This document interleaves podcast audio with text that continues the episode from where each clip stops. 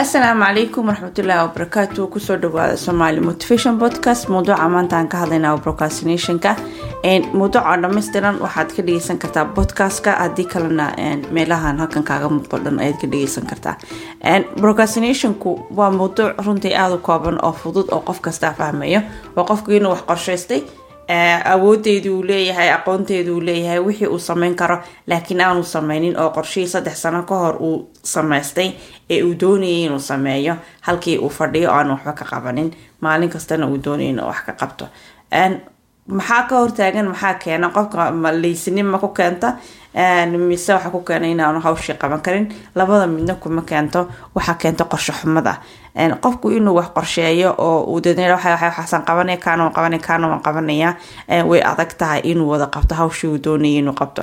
Laakiin haddii uu hawsha u sameeyo priority amba sidai u kala muhiimsan tahay uu qofku u qoro wax fara badan ayay ka caawinaysaa tusaalahaan soomaalida waxay ku waxay indha arkaan biilka gooyaan.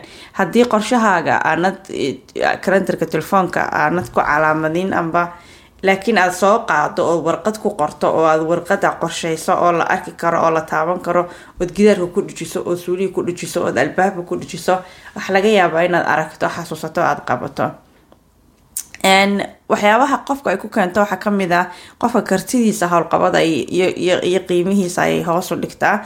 Tusaale ahaan haddii qofku shaqaynayo oo dad la shaqaynayo dabeetana shaqadii ay kugu ururtay maanta shir la gelayo oo mataqaanay wax kastaba dharlinekiisa aada eryanayso waxay keenaysaa shaqadii aada awoodeysay ee aad qaban karaysay inaanad qabanin laakiin aad qabato shaqo ka gaadhsiina oo dabeetana dadka aad la hortimaado waxaad qaban karaysay intaas boqol kunoo jeer. Wax ka fiican.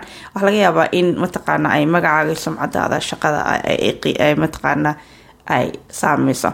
Sidoo kale waxa ay qiimo rid ku keentaa waqtiga. Markii maanta ku dhaaftay beri ku dhaaftay shalay ku dhaaftay wiig ku dhaafay bil ku dhaafay waqtigu qofka agtiisa qiimo la'aan ayuu ka noqdaa. Waqti kastuu haystana waxba ma qaban karo. Haddii uu marka horeba ku dhaco mataqaana meeshaas wahsiga keenaysa qorshihii hore ka lumay. Qorshaha inaad sameysataa waxay u baahantahay dhiiranaan iyo inaad niyad u hayso.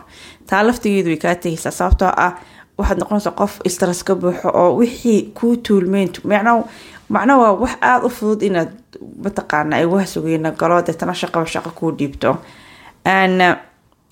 sidee lagu xalin karaa? Sida keliyaata lagu xalin karaa waxa weeyaan? Inuu qofku sameeyo qorsho muuqda oo cad oo la arki karo oo mataqaana liistaysan. Amba uu isticmaalo waxa loo yaqaano journalinka oo ah inuu wax kasta qoro oo journaal gareeyo. Journalinka iyo time planninka waxaan qeyb ka mid ay noqon doonaan episodeka insha allah isbuuca dambe soo socda. Waxaanan ku soo bandhigi doonaa anigu journalinka journaaladan isticmaalo siday yihiin iyo nooca u egyihiin iyo sababahan isticmaalo. Sidoo kale waxaan aan soo raacin doona insha allah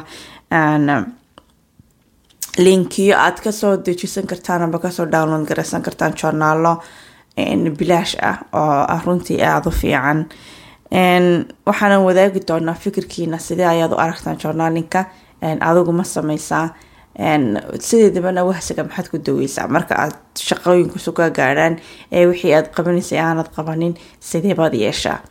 Arinta cusub hadda ku cusub bulshadeena amba aynu dhex fadhina waxa weeyaan uga sii darasa wahsiga iyo procrastinationka labadaba uga darasa waa telefoonka. Telefoonkiina wuxuu noqday t v showyadii adduunka oo dhan iyo movieskii adduunka oo dhan iyo raadiyooyadii adduunyada ka baxayay iyo podcastkii adduunka baxayay.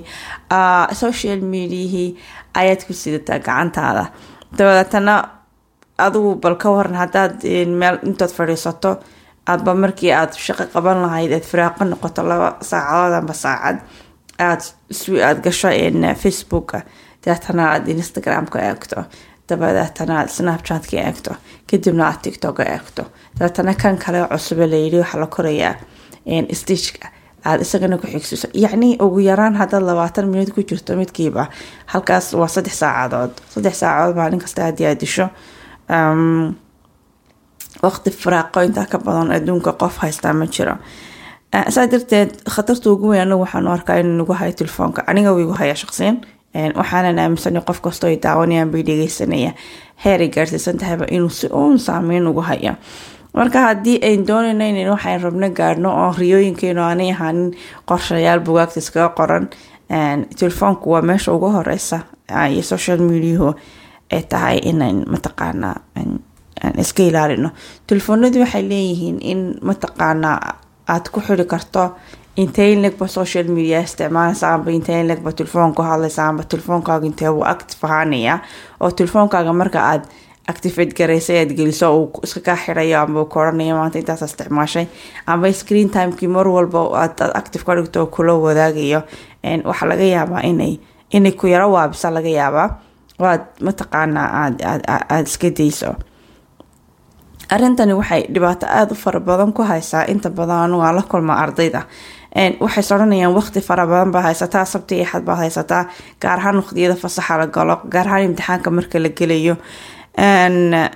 Waxaad arkaysaa ardaygii oo ogtahay inuu awoodu leeyahay waxaan oo dhan oo fasalkan ugu fiican yahay laakiin haddana imtixaankii ku guuldareysta casharadii ku guuldareysta qorshaha hore hadduu ka xumaado oo waqtiga aanu u tirsanayn oo meel kasta alaaram ugu xidhnayn wuu isdhiganaya xusolanaya waqti fara badan baa hadhay isku soo duwa waqtigaaga hadduu lumoon adigana way kuu dhamaata ya qorshaha aad aad samaysata haddaad raacin waxba kuuma suurtagelayaan fikradaha adduunka ugu wanaagsan haddii aad xambaarsan tahay tahay qofka adduunka ugu caqliga badan ugu cilmiga badan aanad qorshaha ka dhamayn meel lama gaadhisid.